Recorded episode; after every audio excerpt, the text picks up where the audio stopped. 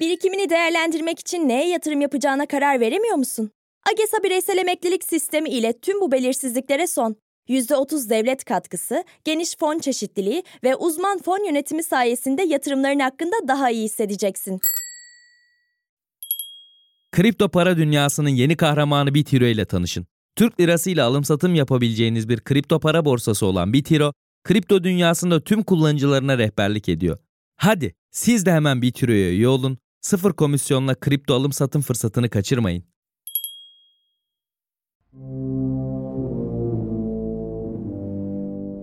İngiltere'de 70 yıllık saltanatıyla en uzun tahtta kalan isim olan Elizabeth 19 Eylül günü defnedildi.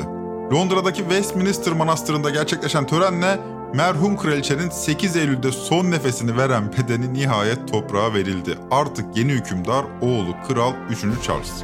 Trend Topik'in bu bölümünde monarşiyi konuşuyoruz.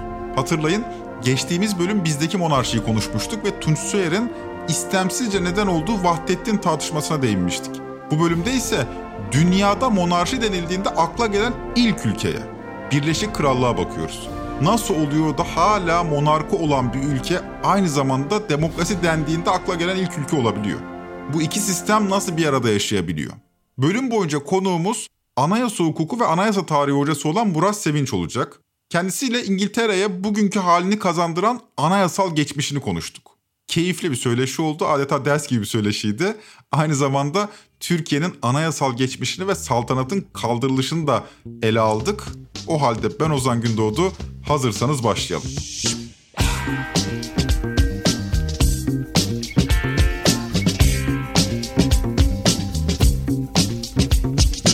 Trend Topik'te uzun röportajlara yer vermiyoruz. Takip edenler bilirler zaten. Fakat bu bölüm diğer bölümlerden biraz daha farklı bir yol izlemeye karar verdik. Bölüm boyunca benim sesim yerine büyük ölçüde Murat Sevinci sesini duyacaksınız. Kendisini tanıyor olanlarınız mutlaka vardır. Diken.com.tr'deki yazıları ya da benim gibi öğrencisi olanlar Murat Hoca'yı biliyorlar zaten. Hem Vahdettin'in hem de Elizabeth'in aynı hafta gündem olması üzerine akla gelen ilk isim kendisi oldu. Murat Sevinç oldu. Anayasa tarihi açısından Osmanlı Türk anayasacılığı ile İngiltere'yi konuşmak da bugüne ışık tutar diye düşündük. Bu bölümü bir önceki bölümün devamı gibi düşünebilirsiniz. Dilerseniz sözü daha fazla uzatmadan sizleri Murat Sevinç'le gerçekleştirdiğimiz sohbete götüreyim. Keyifli dinlemeler.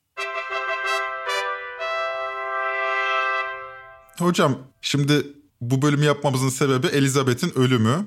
Ama Elizabeth'in ölümü üzerinden bir de Vahdettin'in tartışıyor Türkiye. Şu bağlamda iki bölüm tasarladık. Onlarda monarşi niye öyle, bizde monarşi niye böyle? İngiltere'de Elizabeth öldükten sonra 3. Charles tahta geçti. Fakat bu durum İngiliz halkının hayatında çok köklü bir değişikliğe neden olmadığını düşünüyoruz. Böyle bir kırpılmış, yetkileri alınmış bir monarşi var. Tabii Avrupa'nın diğer monarşilerinden de farklı biraz ama İngiltere'nin monarşisi bize ne anlam ifade ediyor? Gerçekten bir monark mı o? Yoksa çok sembolik diyorlar. O sembolikliği niye yaşamak zorunda kalıyorlar? Yani niye hala bir taht var? Niye hala bir Windsor hanedanı var? Bunu tartışıyorlar mı kaldıralım mı kaldırmayalım mı diye irici yapayım lafı size bırakayım. Peki teşekkür ederim. Birkaç e, başlığa böleyim istersen soruyu. Birincisi dedin ki bir şey değişmeyecek İngiltere'de. Böyle ciddi bir değişiklik olmayacak. Sonra da neden olmayacak kısmına ilişkin bir şeyler söyleyeyim. Şimdi bir şey değişmeyeceği de aslında iki başlığa ayırmak mümkün. Evet İngiltere'de çok fazla bir şey değişmeyecek. Hayat olduğu gibi devam edecek. İşte parlamento filan yani kurulu düzen işte e, devlet organları aynı şekilde işlemeyi sürdürecek. Buna en azından görünen vadede bir şey yok, kuşku yok. Ama kraliçe ile Charles arasındaki farkı hesaba katarsak belki bir şeyler de değişir. Tabii bu da biraz spekülatif, biraz da Charles'tan kaynaklanan ve kraliçeden yani vefat eden ikinci Elizabeth'ten kaynaklanan bir şey. Çünkü ikinci Elizabeth çok uzun süre tahta kalan, çok sevilen, sayılan, monarşi yanlısı olmayanlar tarafından da aslında iyi kötü saygı gören, işte Dünya Savaşı sonrasındaki o yeniden inşa sürecinde devletinin başında olmuş, e, saygınlığından kişisel olarak ödün vermemiş, zaten hani biraz ketum da bir karakter. Ama tabii diğer yandan Örneğin 50 civarında İngiliz İmparatorluğu'na dahil olan devletin bağımsızlığına tanık olmuş. Bir yandan da aslında imparatorluğun çözülme, dağılma sürecinin de kraliçesi. Fakat bunda da doğrusu onun bir şeyi yok, hatası yok. Uzun yaşayan biri bütün bunları gördü. Diğer yandan bir şeye de bağlılığı vardı. Bir e, o Commonwealth'e, devlet milletler topluluğuna da bir sadakati vardı. O 14 şeyin başkanlığını ömrü boyunca yaptı. Hemen her yıl son işte 2000'lere kadar filan onları ziyaret etti. Her birini gezdi. Yani bunu da ciddiye aldı.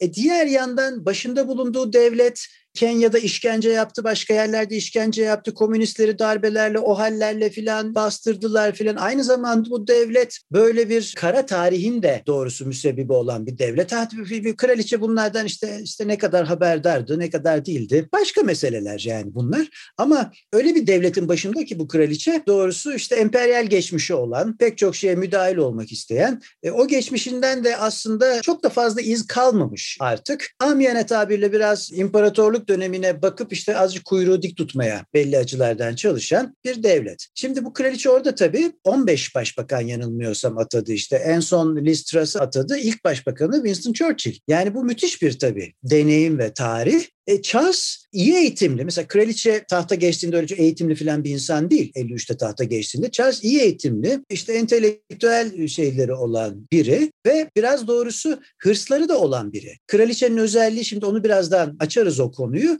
E, tahtın özelliği elinde görünürde kağıt üzerinde bolca yetki ve güç olmakla birlikte aslında bunları kullanmayıp tarihsel süreçte kendisi sembolik bir konuma çekmiş olması ya da çekmek zorunda kalmış olması. Fakat mesela bu Charles'ın 2000'lerde 2004, 5, 6 gibi bakanlara, hükümet üyelerine e, bolca mektup yazdı ortaya çıkmıştı. Guardian'daki bir gazeteci bunu ortaya çıkardı. Yayınlanır yayınlanmaz yargıya gitti. Yayınlanmaz diye karar çıktı. Ondan sonra Yüce Mahkeme'ye gitti. Oradan yayınlanabileceği yönünde karar çıktı ve yayınlandı. İşte çeşitli konularda kendi fikirlerini bakanlara söyleyen, başbakana söyleyen ve aslında onları da biraz taciz eden tabii bir şey bu. Mesela bu bir skandal olarak tanımlanmıştı. Dolayısıyla Elizabeth kadar konumunun farkında olur mu? Yoksa biraz da müdahil olmak ister mi, karışmak ister mi filan? Onu şimdiden kestirmek mümkün değil. Ama derseniz ki konumu Elizabeth ya da bir başkası, tahtın konumu, tacın konumu İngiltere'de nedir?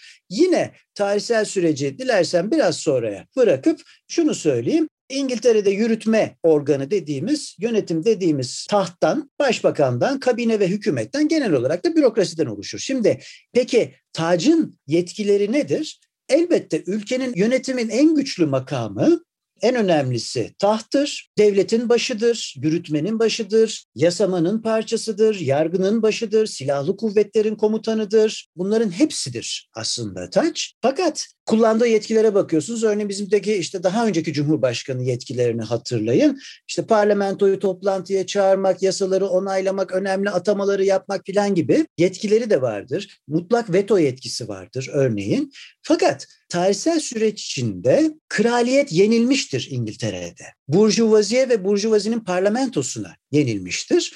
Dolayısıyla bu yetkiler kağıt üzerinde kalmıştır. Olmayan yetkiler vardır. Evet kağıt üzerinde mesela veto yetkisi. 1707'de 18. yüzyılın başında kullandı kraliçe. O yetkisi hala var ama 300 yıldır bu yetkiyi kullanmadı. Şimdi bunun gibi pek çok yetkisi var. Dolayısıyla artık bir gücü olmadığının farkında parlamentonun mutlak hakimiyetini ve hükümetin hakimiyetini kabul etmiş bir kraliçeden söz ediyoruz. Ben şeyden hatırlıyorum mesela Cameron bir jest yaptı bir gün. Kraliçeyi Bakanlar Kurulu'na şeye çağırdı. Kabine toplantısı daha doğrusu. Çünkü İngiltere'de bir Bakanlar Kurulu var, bir kabine var. Kabine daha küçük, 20-25 kişilik.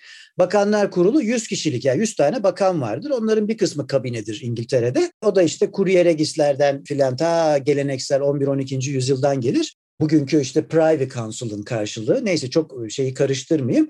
Cameron tuttu e, mesela kraliçeyi o toplantıya çağırdı. İşte böyle masada oturdu. Bakanlar Kurulu toplantısında ya jest yaptılar işte. Gülüştüler falan. Herhalde çay kahve içtiler. Karşılıklı sohbet ettiler ama baktığınızda o hükümetin başı. Başbakanı atayan kraliçe. E ama başbakanın yok ben seni atamıyorum deme yetkisi yok. Peki hangi yetkileri var? 19. yüzyılda yani hali hazırda mutlaka sahip olduğu ve kullandığı nedir derseniz meşhur İngiliz anayasa hukuku üzerine yazan 19. yüzyılda Walter Bagehot adlı yazarın çok meşhur kitabında ki yürütmeyi şey diye tanımlar. İki başlı, yani parlamenter sistemin ana kuralıdır iki başlı yürütme. Biri devlet başkanı, biri bakanlar kurulu. Der ki biri dignified part'tır, diğeri efficient part'tır. Dignified part onuru, gururu temsil eder ve bir yetkisi ve sorumluluğu da kalmamıştır. Efficient part da hükümettir. Meclise karşı sorumlu onlar olduğu için yetki de onlardadır. Şimdi o e, Badgett'ın şeyine göre bilgilendirme ve danışılma hakkı vardır hükümdarın. Evet hükümdar bilgilendirilmelidir yönetim. Yani ülkede ne olup bittiğinden ve yönetim işlerinden mutlaka bilgilendirilmelidir ve ona danışılır. Yüreklendirme yani doğru gördüğünde destek verme yetkisi vardır. Bir de uyarma. Ne demektir o? İşte Türkçesini, Türkçesi şu sorumluları kendi deneyiminden, kendi tecrübesinden yararlandırma. Yani bu ne demek? Aslında elle tutulur bir yetkisi yok. E ama orada da koskoca bir hükümdar var. Başbakanı da atıyor. Dolayısıyla devlette olup bitenler, uluslararası ilişkilerde, yurt içinde olup bitenler hakkında bilgilendirilir, danışılır, görüşleri alınır ama o kadar. O kadar. Örneğin bir yasayı veto etmeye kalkmaz zamanında olduğu gibi bir bakanı Westminster Kulesi'ne hapsetmeye, kraliçenin böyle yetkileri de vardı çünkü, kalkmaz. Bunları yapmaya kalkışmaz. Bunları yapmaya kalkıştığında tırnak içinde hoş bir tepkiyle karşılaşmayacağını da bilir. Buna devam edeceğim ama senin bir sorun var galiba. Hocam şey dediniz ya o bir spot cümle. Burjuvazi aslında İngiltere'de monarşiyi yendi. Fakat anladığım kadarıyla çok da gaddar davranmadılar. Çünkü monarşiyi yenen diğer ülkeler de var. Mesela Fransa, mesela Rusya ya da Türkiye. Fransa'da, Rusya'da bütün hanedanın çoluk çocuk hepsini öldürdüler. Şimdi burada monarşiyi yeniyorlar ama onur ve gururu temsilen orada tutuyorlar. Bunun gerekçesine veya gerekçe demeyelim de ne zaman yendiler ya da bir süreç mi bu? Bunu açabilir misiniz? Tabii bu hem bir süreç hem de bu burjuvazinin niteliğiyle daha doğrusu ticaret yapanların burjuvalaşması tarihiyle ve burjuvazinin tarih içinde güçlenmesiyle o aşamalarla ilgili bir şey aslında. İşte malum bunu herkes bilir. Yani Fransız aristokrasi burjuvalaşmayı büyük ölçüde reddetti. Sieyes'in o şeyini hatırlayalım. İşte Emmanuel Sieyes rahip Fransız devrimi için çok etkili önemli bir adam. İşte Tieretası filan onları şimdi diyor ki işte şu kadar soylu var, şu kadar din adamı var. 24 milyonda vatandaş var. E her iş bunların üçüncü küme nedir başlıklı meşhur eserinde bunları söyler. Bütün yük 24 milyonun üzerinde ama bakıyorsunuz Etajenero'da mecliste diğerlerini maşallah var yetkiyi eşit paylaşıyorlar falan. E sonunda bir devrim oluyor burjuvazi hepsini alt ediyor. E mesela yoksul köylüler, din adamları falan filan da bu burjuvazinin tarafını tutuyor filan. Devrimcileri yanıtıyor. Şimdi orada bir devrim oldu. Çünkü burjuvalaşmayı reddeden ve direnen bir aristokrasi vardı ve 150-160 yılda Etajenero'yu toplamamış bir kraliyet vardı Fransa'da 16. 17. yüzyılda. Şimdi İngiltere'de böyle olmadı. Bu tamamen İngiliz tarihinin özgünlüğüyle ilgilidir. İngilizler 600 yıla yaydı bunu. Sürekli mücadele vardır. Burjuvazinin kralla mücadelesi, kiliseyle mücadelesi, feodalite mücadelesi. Bu mücadele sırasında çeşitli ittifaklar kuruldu. Önce kralı yanına alarak işte feodallerle mücadele etti. O savaşı kazandıktan ve kiliseye olan savaşını kazandıktan sonra bu kez kralla mücadele etti ve sonunda zaferini ilan etti. Zaferini ilan etmesi demek parlamentonun zaferi demektir. Burjuvazinin zaferi İngiltere'de. Ve o, o tarihi ikiye böleriz ortadan. 1689 öncesi ve sonrası. 1689 Bill of Rights Saklar Bildirgesi'nden sonra artık artık hükmeden zaferini ilan etmiş olan parlamentodur. Ne yaptı peki? Buna nasıl böyle oldu? Malum 1066'da bir savaş var. O savaşı Kuzey Fransa'dan İngiltere topraklarına gelen ki o sırada Anglo-Sakson krallığı var. Normanlar geliyor savaşta Anglo-Saksonları Hastings Savaşı'nda 1066'da yeniyor. Norman krallığı kuruluyor. Kuran adamın adı, kralın adı William fetheden William olarak geçiyor tabii bu tarihte. Tutuyor yüzlerce şövalyelik baronluk arasında toprakları bölüştürüyor. O kadar çok bölüyor ki diğer ülke şeylerinden Fransa'dan filan farklı olarak İngiliz kraliyeti her zaman daha merkeziyetçi ve daha güçlü oldu. Çünkü bunun sonucunda baronlar, soylular birbirleriyle uğraşmaktansa kraliyetle uğraştılar. Bakın İngiliz tarihine aşama aşamada bu mücadelede çeşitli adımlarla galibiyetler elde ettiler. İlk galibiyet dünyanın en meşhur metinlerinden biri 1215 tarihli Magna Carta Libertatum. Baronlar miras haklarını güvence altına aldılar. Çeşitli uyruk hakları güvence altına alındı. Kilisenin özelliği göreli olarak güvence altına alındı. Bunların hepsi Magna Carta ile oldu. Mesela Magna Carta'da bir de hüküm vardı. Diyordu ki işte vergiyi de bu baronlara, danıştığın insanlara soracaksın. Öyle canın istediğin gibi vergi salmak yok. Eh bu bir süre sonra bir parlamentoya dönüştü. 1295, 1300, 1314 filan tarihlerine bakıyoruz. Artık 14. yüzyılın ikinci çeyreğe geldiğinde İngiltere'de iki kameralı bir parlamento var. Bir tarafta soylular, bir tarafta burjuvazinin temsilcileri, avamın temsilcilerine birle avam kamerası dediler, diğerini lordlar kamerası dediler. Kilise filan mesela ayrıldı. Daha önce o da vardı. Bu kümelerden birisi olarak o da orada bulunuyordu. Bir parlamento doğdu. Ne yaptılar peki? 200-300 yıl boyunca Amerikan devriminde de çok etkili olan bir ilke no taxation without representation. Temsil yoksa vergi de yok. Yani dilekçe hakları vardı. Uyruğun dilekçe hakkı. Hükümdara her yıl sundukları dilekçeler, çeşitli talepler. Bir süre sonra bu insanlar bu dilekçeleri birer yasa metni ne dönüştürdüler. Ve krala dediler ki, hükümdara dediler ki eğer vergi salmak istiyorsan o zaman bunları da kabul edeceksin. Yani ben temsil edileceğim ki senin vergi almana izin vereyim. Böyle gelişti parlamento ve parlamenter sistem. Ha parlamenter sistem yine aynı tarih içinde. Bakın dedim ki bir meclis doğdu 14. yüzyılda. E meclis başkanı da doğdu tabii. Çünkü avam kamerası kendisine bir başkan seçti. Adını speaker koydu. Bugün ona meclis başkanı diyoruz. Çünkü lordlar kamerası ile bir ilişki kurması gerekiyordu. Birilerinin işte buna speaker dediler. Bugün avam kamerasının başkanı. Başbakan nasıl çıktı? 17. yüzyılda krallar, şimdi dedim ya 1689'da artık zafer parlamentonudur Bill of Rights'la. Ha istersen biraz ondan bahsedeyim zamanın tabii, varsa. Tabii tabii çok iyi olur. Ha, şimdi biliyorsunuz meşhur bir Cromwell var. Oliver Cromwell. Niye meşhur bu adam? Şimdi 1625'te birinci Charles tahta gelir. Daha merkeziyetçi falan böyle parlamentoyu toplamaktan çok yana değildir. Danışmaktan çok yana değildir. Önce bir bir takım haklar kabul eder gibi yapar ama ondan sonra çok uzun süre 1640'a kadar parlamentoyu toplamaz. Mecbur kalır vergi toplamak için 1640'ta toplar. Bu kez de o parlamento dağılmaz ve kralla çatışır. Öyle bir çatışma ki 1642 ile 45 arasında parlamentonun askeri gücüyle kralın askeri gücü kapışır. Parlamento galip çıkar. Charles'ın iki bakanını idam ederler ve 1649'da da Charles'ın kendisini idam ederler. Bunu yapan kim? Parlamento ordularının başındaki Cromwell. Cromwell hızını alamaz, Lordlar Kamerası'nı lağveder, Cumhuriyeti kurar. Cumhuriyeti kuruyor. Cumhuriyet kuruyor. Tabii İngiltere'de Cumhuriyet ilan edilir. 1654'te bugün yazılı anayasası olmayan memlekette bir yazılı anayasa yapılır. Modern dönemin ilk yazılı anayasası Instrument of Government yönetim aracı başlığıyla. Fakat o kadar güçlü ki artık parlamento kralı yargılamışlar, bakanlarını idam etmişler. Cromwell'e tahammül etmeleri mümkün değil. Bu kez Cromwell'le çatışır parlamento. 58'de Cromwell öldükten sonra oğlu geçmeye çalışır filan hayır derler ve iki yıl sonra birinci Charles'ın oğlunu idam ettikleri adamın oğlunu tahta çağırırlar ikinci Charles'ı yeniden monarşiye geçerler. Lordlar Kamerası toplanır. O günden sonra da hep monarşidir İngiltere. Hatta bir de tarih dedikodusu Oliver Cromwell'in naaşını bir süre sonra mezardan çıkarıp parçalarlar. Kafatasını da parlamentonun kapısına asarlar ki ibret alem olsun diye. O kafatası uzun süre yüzyıllarca sağda solda dolaşmıştır. Bugün İngiltere'de bir üniversitenin bahçesinde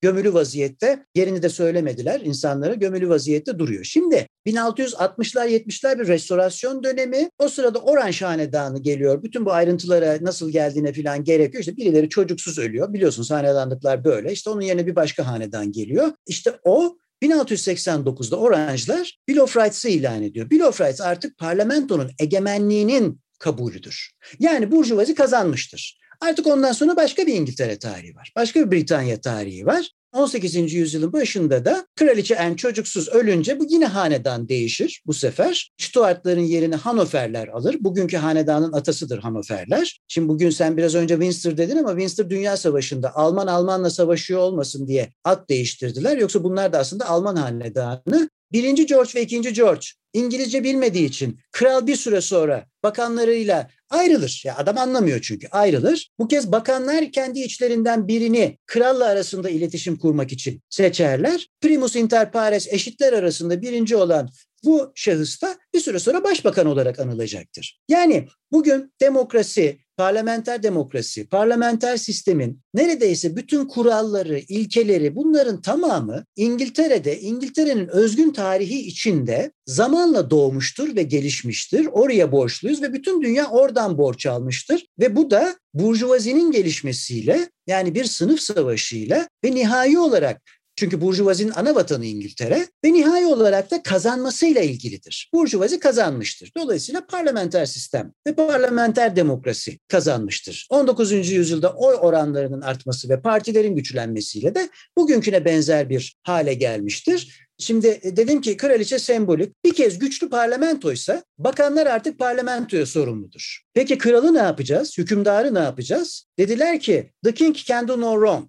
Hükümdar hata yapmaz, yanlış yapmaz. Eh yanlış yapmazsa o zaman sorumluluğu da yoktur. Sorumluluğu olmayan insanın yetkisi de yoktur. Yetkisi ve sorumluluğu yoktur hükümdarın. Dolayısıyla yürütme organının yani bakanların başındaki hükümdar yürütme organının bugün e, cumhuriyetlerdeki cumhurbaşkanı ve bakanlar gibi yürütme organının sembolik devlet başkanı yetkileri olan pek çok yetkisini de varsa da kullanmayan kullanmamak için çaba harcayan hani bizde 2014 seçimine kadar büyük ölçüde Cumhurbaşkanlığının uyumaya çalıştığı gibi değil mi? Yani bunu hükümdarlar tabii hükümdar olduğu için, seçimle gelmediği için çok daha başarılı sürdürmüştür. Dolayısıyla böyle bir konumdur hükümdarın konumu. Kağıt üzerinde yetkisi vardır İngiliz hükümdarının ama konumunun kaybettiğinin ve artık sembolik bir makam olduğunun onur ve gururu temsil ettiğinin, sorumluluğu olmadığı için de yetki kullanamayacağının farkındadır. Konumunu da bilir. Mesele bu. Şimdi size anlatırken aklıma geldi. Ya anakronistik bir şey olursa uyarın. Hı? Karşılaştırma yapılamaz denilebilir ama bizdeki birinci meşrutiyetle ikinci meşrutiyet böyle yoğunlaştırılmış bir süreç gibidir diyebilir miyiz? Çünkü birinci meşrutiyette de aslında bir parlamento var ama anlaşılan o ki ikinci Abdülhamit zaten parlamentonun çok daha üzerinde yetkilere sahip. Evet. Ve hemen 1877'de kapatıyor parlamentoyu. Fakat 1908 öyle değil artık İngiltere'deki Bill of Rights'a denk gelen 1689'da Bill of Rights'a denk gelen artık parlamentonun galibiyetini ilan ettiği tarih bizde biraz ikinci meşrutiyete denk düşer Tabii desek... Tabii tabii bence doğru olur. Yani 1876'yı hiç küçümsemiyorum bu arada onu söyleyeyim. Mesela Ruslar filan mutlak monarşiyle yönetilirken bütün Avrupa o sırada bölünürken, parçalanırken, yeni devletler kurulurken bir anayasacılık hareketi varken 1876 anayasa için çok da geç bir tarih değildir aslında. Ama doğru. Abdülhamit'in de etkisiyle sultanın çok güçlü olduğu bir anayasadır o. Hele ki sürgün yetkisi. Gerçi sürgün yetkisi de o kabul etmiştir ama onun da değil aslında büyük ölçüde Mithat Paşa'nın filan onların isteğidir. O da matrak bir durum tabii. Sonra kendileri sürüldüler. Kısa bir süre sonra o meşhur 113. madde nedeniyle. Ama dikkat ederseniz Bilirsiniz zaten ilk anayasada heyettir adları, meclis değildir. Heyeti ayan ve heyeti mebusandır. Gerçek birer meclis olmaları 1909 anayasa değişiklikleriyle,dir. Çünkü bizde ikinci meşrutiyet ve işte herhalde genel kabul gören o Burjuva devriminin başlangıcı bütün anayasa değişikliklerinin yapılması ki resmen aslında yeni bir anayasal düzene geçildi 1909'da ama yeni bir anayasa yapmadılar. Saltanatı da devam ettirdiler. Mesela cumhuriyetçilerden farkı o ikinci meşrutiyetçilerin. Saltanatı devam ettirdiler. Yeni bir anayasa yapıyoruz demediler. Kapsamlı anayasa değişiklikleri yaptılar. O tarihten sonra artık meclis ayan ve meclisi mebusandır. Artık birer heyet değil, gerçek birer meclistir. Padişahın yetkileri, sultanın yetkileri azaltılmış, meclisin yetkileri arttırılmıştır. Çünkü ondan önce aslında yasa yapıyor gibi görünmekle birlikte doğru dürüst yasa bir yetkisi bile yoktu. Her şeye sultan karar veriyordu. Metni de o görüyordu. Peki olur diyordu. Ondan sonra yasalaşıyordu. Ondan sonra bir de mutlak veto yetkisi vardı filan. Yani o ne isterse oluyordu. Ama zaten biliyorsunuz 1878'de tatile gönderdi. ikinci Abdülhamit parlamentoyu. 30 yıl çağırmadı. Bir de işin böyle bir tarafı var. Ya 1878 ile 1908 arasında parlamento toplanmadı. Anayasa askıya alındı. Belki bugünkülerin çok sevmesinin nedenlerinden biri de şeydir. Bu rahatlığı olabilir. Yani evet bizde 1909 tabii çok önemli. Bir de şunu söyleyeyim 1909'da parlamenter sistemin ana kuralı kabul edildi. Bakanların meclise karşı tek ve toplu sorumluluğu bizim toprağımızda 1909 yılında kabul edildi. Ve ne yazık ki 2017 yılında çöpe atıldı. Burada söyleşiye kısa bir ara verelim. Döndüğümüzde Murat Sevinç'le sohbetimize devam edeceğiz. Altın bir yükselse. Aslında her ay atacaksın kenara 3-5. Evi arabayı satıp bas sen güven bana. AGESA bireysel emeklilik sistemi varken bu tip maceralara atılmaya hiç gerek yok. Birikimlerini besin güvenli ve kazançlı sistemiyle değerlendir.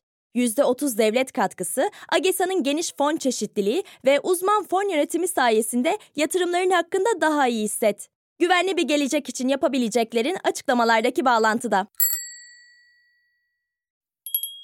Müşteri temsilcisine bağlanamamaya son.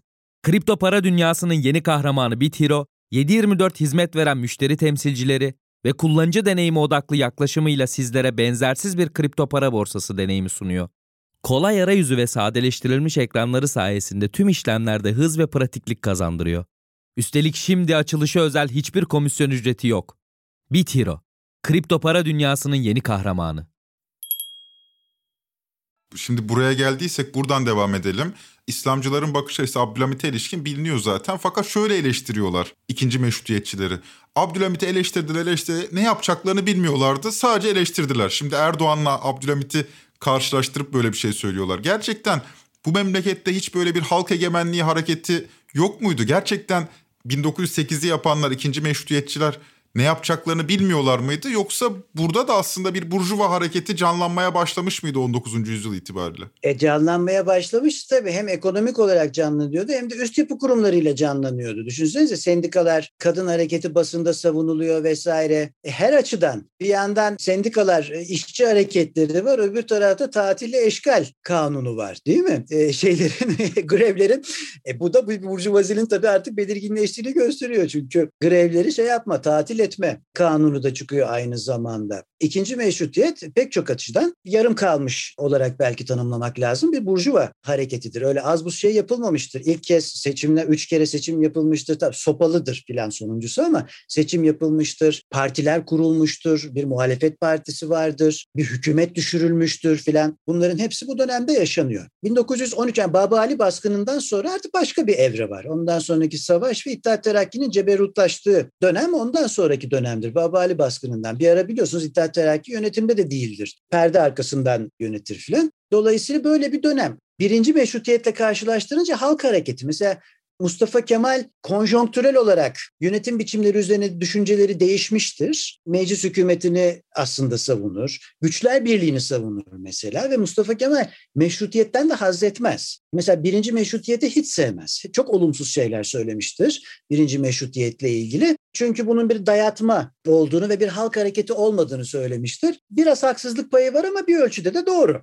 Yani aslında bir aydın hareketidir birinci meşrutiyet. Ama ikinci meşrutiyeti sever. Gerçek bir halk tabanı olduğunu düşünür ki hakikaten de öyle. Yani ikinci meşrutiyette pankartlara bakarsanız taşınan pankartlara Ermeni dili de dahil olmak üzere gayrimüslimlerin dilleri de dahil olmak üzere Osmanlıca'da da eşitlik, özgürlük, kardeşlik pankartlarıyla dolaşıyorlar insanlar. Yani bu gerçek bir hareket. Birinci meşrutiyet gibi değil bir halk hareketi ikinci meşrutiyet. Nitekim anayasa değişiklikleri de zaten bunun kanıtı. Yani sultanın ikinci plana itildiği, parlamentonun öne çıkarıldığı, gerçek bir anayasaya benzer hale getirilmiştir ikinci meşrutiyette. O yüzden e ama tabii sevmezler ikinci meşrutiyeti. Yani Abdülhamit'in e, hükümdarlığını bitirmiştir çünkü meşrutiyetçiler. İslamcıların sevmemesini anlamak mümkün ama bu söyledikleri pek tabii doğru şeyler değil. Yani bu bizde çünkü ikinci meşrutiyet ve sonrasındaki bütün devrimci hareketi hep tavandan tavandan tavandan çok inandıran bir kesim var Türkiye'de kendisini bunu. Efendim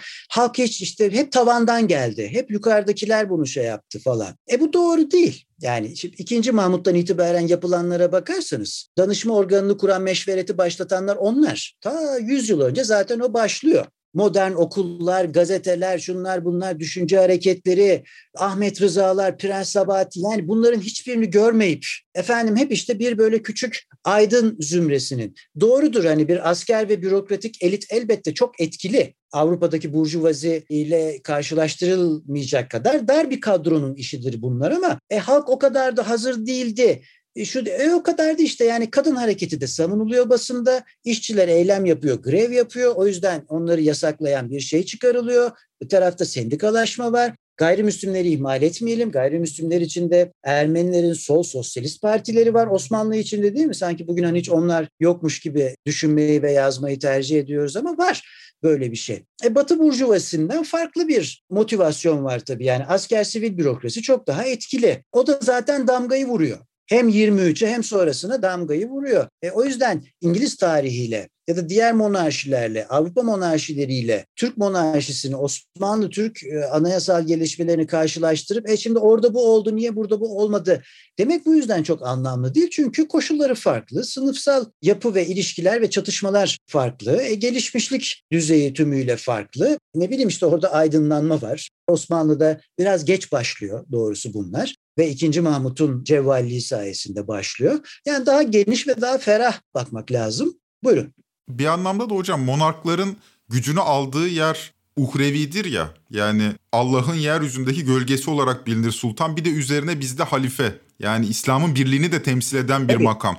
Bu makama ilişkin halk egemenliği talep etmek aynı zamanda bir dine isyan, bir dinsel boyutu da olan bir şey. Bu Avrupa'da da aynısı. Yani monarklar sonuç itibariyle Elizabeth gücünü nereden alıyor? Deniyor ki 1953'te taht haberi geldiğinde üzerinde kartal uçtu. Şimdi de cenazesinde yeni haberler var. Cenaze töreninde tabutun üzerinde örümcek vardı. İşte bu 3. Charles için bir uğursuzluk. Yani bu bir uhrevi mesaj aranıyor. Yani 50 yıldır adamcağız kral olmak için bekliyor. Bir de böyle dedikodu mu çıkardılar? evet maalesef. Tabuta örümcek düşmüş. Yani şimdi oraya ilişkin halk egemenliği talep etmek dinsel akımlar tarafından da hayırdır padişahımıza dokunulur mu gibi bir savunmaya da yol açıyor değil mi? Şimdi tarihin gelişmesini geriye çeviremezsiniz. İngiltere'de İngiltere tarihi bambaşka işledi. Ulus egemenliği, ulusal egemenlik hiçbir şey ifade etmiyor. Anglo-Saksonlar için, o hukuk sistemi için, o gelişmeler için hiçbir şey ifade etmiyor. Başka bir tarih işledi orada. Dolayısıyla İngiltere'de kraliçenin aynı zamanda bir kilisenin başı olması o sistemin sekülerliği, laikliği adını ne koyarsanız koyun hadi sekülerlik diyor onlar. Sekülerliği açısından bir sorun teşkil etmedi. Bakın ölüm ilanına kraliçenin pek öyle dinsel bir ifade göremeyeceksiniz. Şimdi her şeyi birbirine karıştırarak ülkeler arasındaki tekrar söylüyorum toplumsal kültür, siyasal kültür, tarih, sınıfsal gelişme, teknolojik gelişme, yaygın inanışlar Bunları hesaba katmadan hiçbir devletin hukuk sistemini ve anayasal düzenini analiz edemezsiniz. Bu kadar basit. Evet İngiltere'de Anglikan Kilisesi'nin başıdır kraliçe ama bunun dinle imanla bir alakası yoktur. 1534'te biliyorsunuz Henry karısından boşanmak istiyor bana erkek çocuk vermiyorlar diye. Birinci Elizabeth'in anası Boleyn'i de e, öldürüyor. ikinci karısı bu yüzden. Sonra da boşanmak istiyor. Yok boşanma. Roma Kilisesi hayır diyor. Ha diyor o zaman madem öyle hadi bakalım ben de kendi kilisemi kuruyorum. E şimdi insan boşanmak için kilise kurmaz tabii. Yalnızca onun için kurmaz değil. Ya da buna kimse ikna edemez. Evet bunu ikna edemezsin. Yani e ne oluyor? Asıl neden ne? Toprakların beşte biri, İngiliz topraklarının beşte biri kilisenin elinde. Bir güzel onun elinden, Roma'nın elinden alıyorlar. O beşte bir toprağı, çok büyük topraktan söz ediyoruz. E, feodalite ve burjuvası arasında ki İngiliz feodalitesi o sırada yavaş yavaş burjuvalaşmakta. Meşhur Thomas More'un Ütopyası'nda söylediği, şeyde söylediği gibi koyunlar insanları yiyordu tarım alanları şeye açılıyor işte yün ve iplik üretimini filan başlıyor. Her neyse burjuvalaşan bir feodalite var. E onlar arasında dağıtılıyor. Şimdi buraya bakıp teokratik bir imparatorluktaki sultanın konumuyla bir tutulabilir mi? Böyle bir şey olmaz. Efendim Amerika'da başkan yemin ederken İncil'in üzerine elini koyuyor öyle yemin ediyor. Doğru ama bu gelenek. Peki yanında kim var? O yemini kim ettiriyor Amerika'da başkana? Yüce Mahkeme, Supreme Court Başkanı. Amerika'da daha sonra başkan çıkıp Anayasa Mahkemesi kararları bizi bağlamaz kardeşim diyor mu? Şimdi gelenek bunlar. Bunlar oranın din devleti falan olduğu anlamına gelmiyor ama senin tarihin başka işlet. Mustafa Kemal ve arkadaşları yalnızca yabancılarla, işgalcilerle değil, milli mücadele içeride saltanata karşı yürüttü.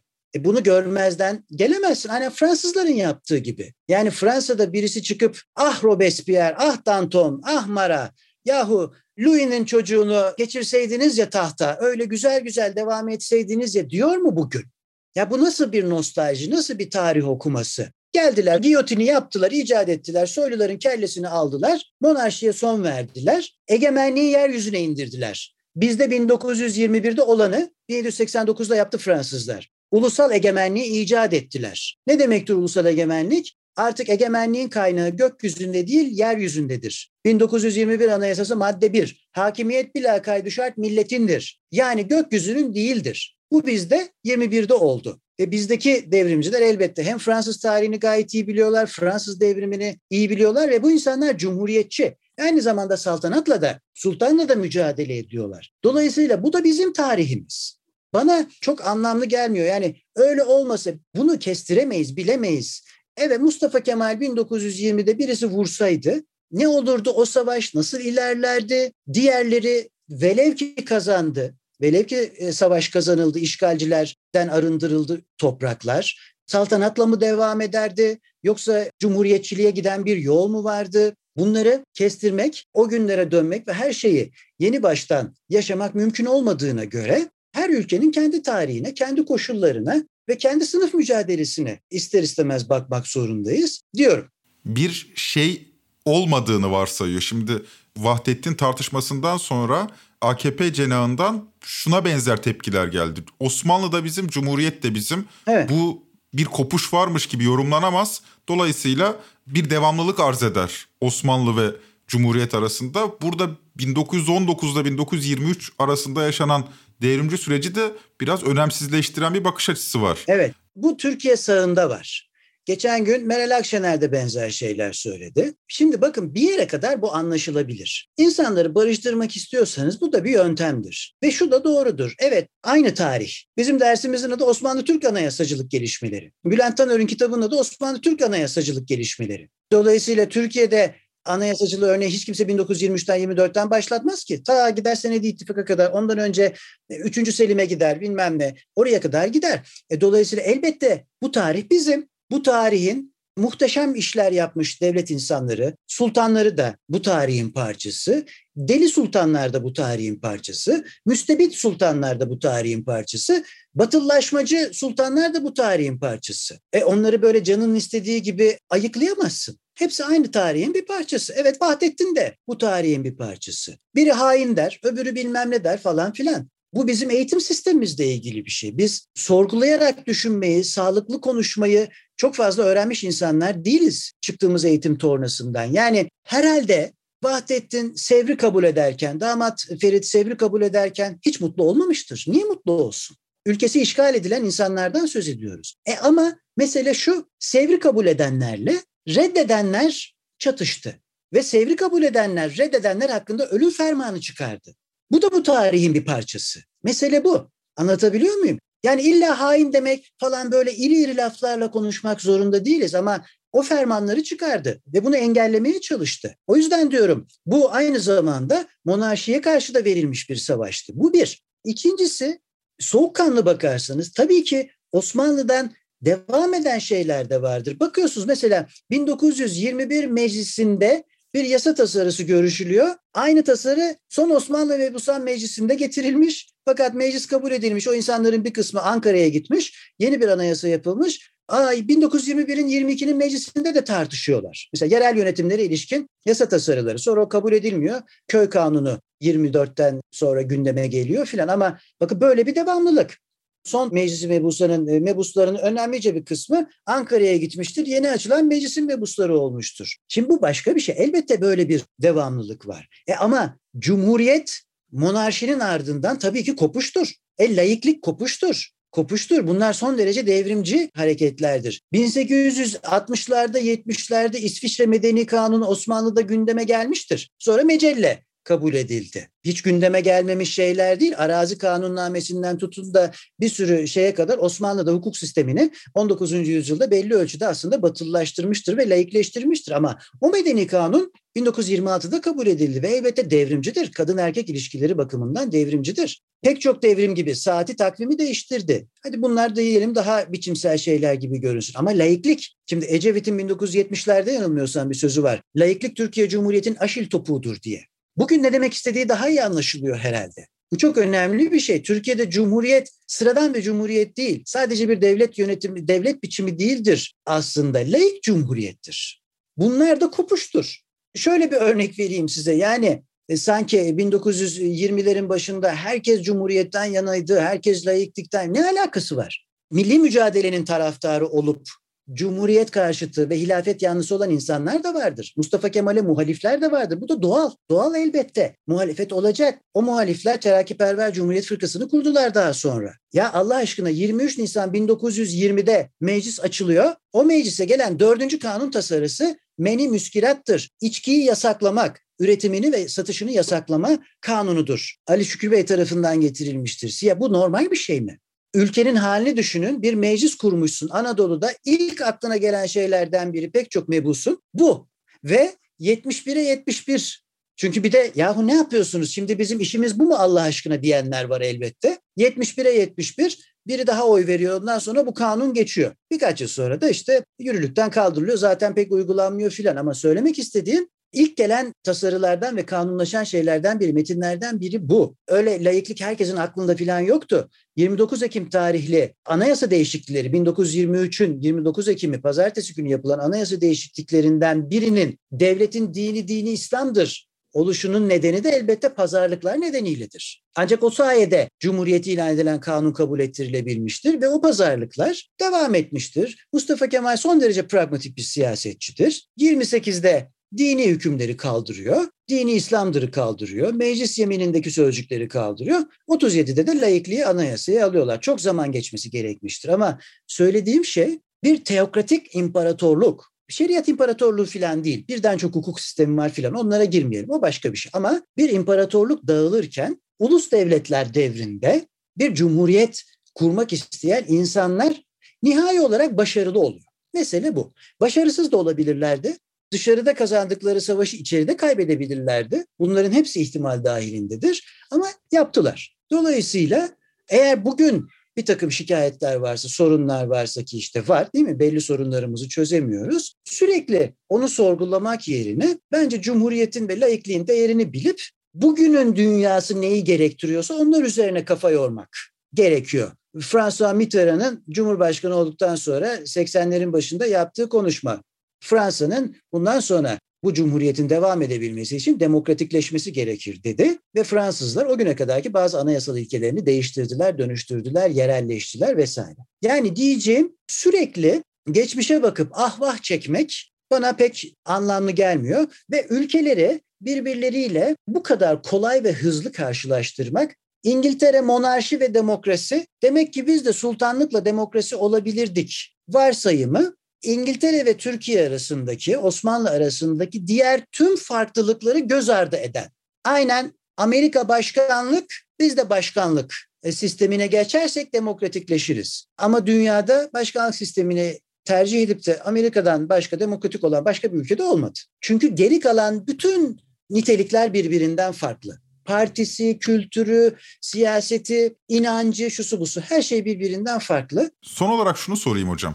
Bizde bütün siyasal akımlar için var. Yani sadece İslamcılara da yükleyemeyiz sanırım bunu. Bütün siyasal akımlarda böyle bir tarihi spot bir bilgi olarak alıp o spot bilgiyi bugüne uyarlamaya çalışan bir bakış açısı var. Yani Atatürkçüsü 1930'lardaki uygulamanın aynısını bugüne entegre etmek istiyor. İslamcısı 200 yıllık parantezi kapatacağız ve başka bir hayal kuruyor. Bu haliyle geleceği de pek tartışamıyoruz değil mi? Yani 2022'ye gelemiyoruz. Bugün bir yazı yazdım Diken'e. Orada bir şey örneğiyle başladım. Rahmetli Levent Kırca'nın bir skeçi vardı. Çok hoşuma gitmişti. Hala hatırlarım. Belli bir tarihten sonrasına girmemiş bir köy ahalisi.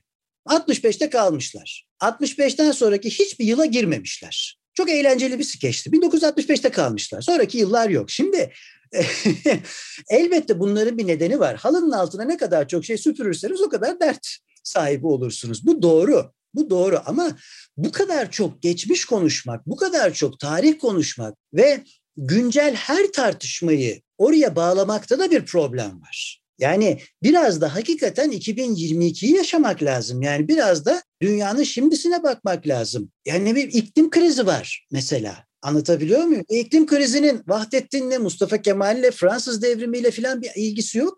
Kardeşim yani önümüzde çok ciddi sorunlar var. E, bunları konuşmak yerine ve öğrenmek yerine işte dijitalleşme tartışıyor insanlar bilmem yavaş şehirleri tartışıyor, farklı tarım usullerini tartışıyor, yapay zekayı tartışıyor falan. E, dönüp dönüp hep aynı şeyleri konuşmak elbette sıkıcı. Ama dediğim gibi çok şey atılırsa halının altına süpürülürse ve her süpürülen de görünmez farz edilirse e bir süre sonra onların aslında görünür olduğu da anlaşılabiliyor. Ama bence bir yönetim biçimi olarak da bu cumhuriyetin ve bütün uygulamalarına katılmadığım zamanında çok eleştirdiğim türban yasaklarından tutun da başka şeylere kadar filan laikliğin de kıymetini bilmek lazım. Adına ister seküler değil, ister Anglo-Sakson literatürü kullanın, ister Fransız literatürü.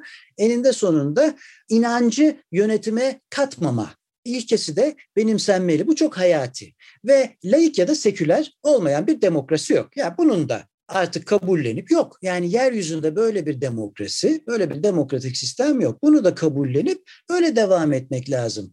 Yoksa tarih elbette tartışılır. Bunda bir sorun yok. Biri vahdetini aklamaya çalışır, öbürü bilmem kimi aklamaya çalışır. Konuşulur, tartışılır. Mesele değil ama günlük siyasetin içinde bu kadar yer alması bence bir tabii hastalıklı bir durum. Bu normal yani sağlıklı bir toplumda böyle bir şey olmaz. Ama bu toplumun değil işte diğer dişlilerin hatasıdır. Onların bir çıktısıdır. Şimdi İngiltere ile ilgili son olarak isterseniz şunu söyleyeyim. Yani biraz anlatmaya çalıştım oradaki sembolik konumun nasıl bir sembolik konumu olduğunu. Cumhuriyete geçme tartışmaları hep yaşanır. Monarşinin yüzyıllar içinde yaptıkları elbette eleştirilir, emperyal geçmişi eleştirilir filan. Ama bir yandan da tabii İngiliz monarşisi fazla şaşalı bir monarşidir. Mesela şimdi Charles döneminde hadi artık biraz daha İskandinav monarşilerine benzeyelim bari diyenler de var. E, fazla şaşalıdır, çok fazla mülkleri vardır filan. Ama işte bir yandan da bu monarşiler ne bileyim devlet başkanı hem parlamenter sistemi çok daha sağlıklı uyguluyorlar. Çünkü bir monarka sen otur oturduğun yerde demek doğrusu daha kolay. Bir de işte cumhurbaşkanı seçme, devlet başkanı seçme derdiyle düzenli aralıklarla uğraşmıyorlar. Yani para harcıyorlar sürekli onları ama e, hükümet işini yapıyor. Mesela onlar gidiyorlar temsilci olarak sağa solu geziyorlar. İşte kraliçe bir yere gidiyor, prens bir yere gidiyor, veliaht prens, onun karısı başka bir yere gidiyor filan. Ya bu temsil işlerini filan onlar yapmış oluyor. Dolayısıyla aslında o tarihler düşünüldüğünde ve onların özgün tarafları düşünüldüğünde hani zaman zaman Türkiye'de yapıldığı gibi ya da dünyanın başka yerlerinde de yani ay ne kadar ayıp bu devirde hala monarşi mi olur diyenler var. Bunlar bir ölçüde haklı tabii çünkü devlet başkanının soy esasına dayanmasının halk açısından aşağılayıcı bir tarafı da var. Doğru ama diğer yandan da e, pratik bir şey de var. Yani Norveç kralını kim tanıyor? İsveç kralını kim tanıyor? İşte orada da hükümetler kendi işlerine bakıyorlar. Onlar da biraz doğrusu süslenip püslenip işte temsil görevlerini yerine getiriyorlar. E ama yine de mesela bizim monarşiye özenmemiz için bir neden yok. İşin matrak tarafı da bugün monarşiye özenenler bir insanı 20 yıldır seçiyorlar. Ve eğer Türkiye'de saltanat devam etmiş olsaydı işte bu hani yoğurt filan satan, bal satan neyse bir takım adamlar var ya işte hanedanın torununun torunu filan. Mesela onlar devlet başkanı olacaktı. Yani Allah akıl fikir versin. Ya biraz da bunu düşünmek lazım. Mesela birini seçen insanlar ve seçtikleri insana 20 yıldır hayranlık duyanlar, e, eyvallah seçiyorsun, devlet başkanı yapıyorsun. Tamam peki. E şimdi bir soya bu kadar hayranlık beslemeleri ve ah keşke bunlar bizim devlet başkanımız olsun demesi e baksanıza Erbakan nereden gelmiş, Demirel nereden gelmiş, Erdoğan nereden gelmiş, Ahmet Necdet Sezer nereden gelmiş, diğer cumhurbaşkanları hangi köklerden gelmiş, hangi yoksunluklar içinde bu cumhuriyet onları okutmuş, bir şekilde başarılı olmuşlar, yükselmişler. Şimdi bunu desteklemek yerine ah keşke bu bal satan arkadaş bizim sultanımız olsaydı demek de ya bu da bana doğrusu hadi burada bitirelim isterseniz. Hadi tamam burada bitelim hocam. Tamam çok teşekkür. Peki. çok teşekkür ederiz sağ olun. Ben teşekkür ederim. Evet. Sanırım tüm bu söyleşinin bize öğrettiği en mühim şey ülkelerin kendine has tarihsel koşullarının onları farklı demokratikleşme patikalarına sürüklediği yönünde. İngiltere bir derebeyler ve baronlar ülkesiydi ve kralın gücü kısıtlanmaya ve parlamento gibi bir organ ortaya çıkmaya ta 800 sene önce başladı. Fakat buradan hareketle bizdeki demokrasi tarihini de küçümsememek gerekir. Bu sonucu da çıkardık. 19. yüzyıldan bu yana süre gelen halk egemenliği hareketi de bu toprakların tarihine damga vurmuş durumda. Bugünden baktığımızda bizde halk egemenliği fikrinin de mayası tutmuş görünüyor. Yani küçümsememek gerekir bu mayayı. Bakmayın demokrasi karşıtı hareketlerin sesinin gür çıktığına halk kesimlerinin geneli halk egemenliğinin tadına vardı. Derinlikli bir demokrasi bilincimiz belki yok. Hatta son yıllarda bu konuda epey geriye de gitmiş olabiliriz. Ancak Murat Hoca'nın da dediği gibi laik cumhuriyetin dışındaki seçenekleri savunanlar hala marjinal pozisyondalar. Diyelim ve sona gelelim. Murat Hoca'ya vaktini ayırdığı için buradan tekrar teşekkür ediyorum. Ben kendisinin anayasa tarihi derslerinden büyük keyif alırdım. Umuyorum bu keyfi size de biraz tattırabilmişizdir. Bu bölümde Vahdettin hain mi değil mi gibi basit sığ tartışmalardan biraz sıyrılmayı, başka bir bakış açısıyla tartışabilmenin de imkanını göstermeye çalıştık. Umarım bunu da başarabilmişizdir. Trend Topi'yi Podbi Medya ile beraber hazırlıyoruz.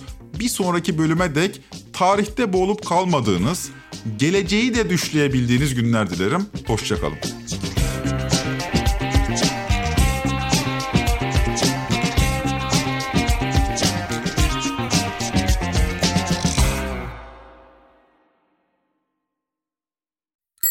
AGESA bireysel emeklilik sistemindeki %30 devlet katkısı, geniş fon çeşitliliği ve finansal danışmanlık hizmetleri ile güvenli ve kazançlı bir şekilde yatırım yapabilirsin. Yatırımların hakkında iyi hissetmek için detaylı bilgi açıklamalardaki bağlantıda seni bekliyor. BitHero'da alım satım emirleriniz anında gerçekleşir. Çünkü BitHero'da 6 milyon kullanıcı ile birlikte kripto para alıp satabilirsiniz. Üstelik sunduğu yüzden fazla kripto para seçeneği sayesinde yatırım alanlarınızı da genişletiyor. Siz de BitHero'ya üye olun, kriptonun kahramanı olun.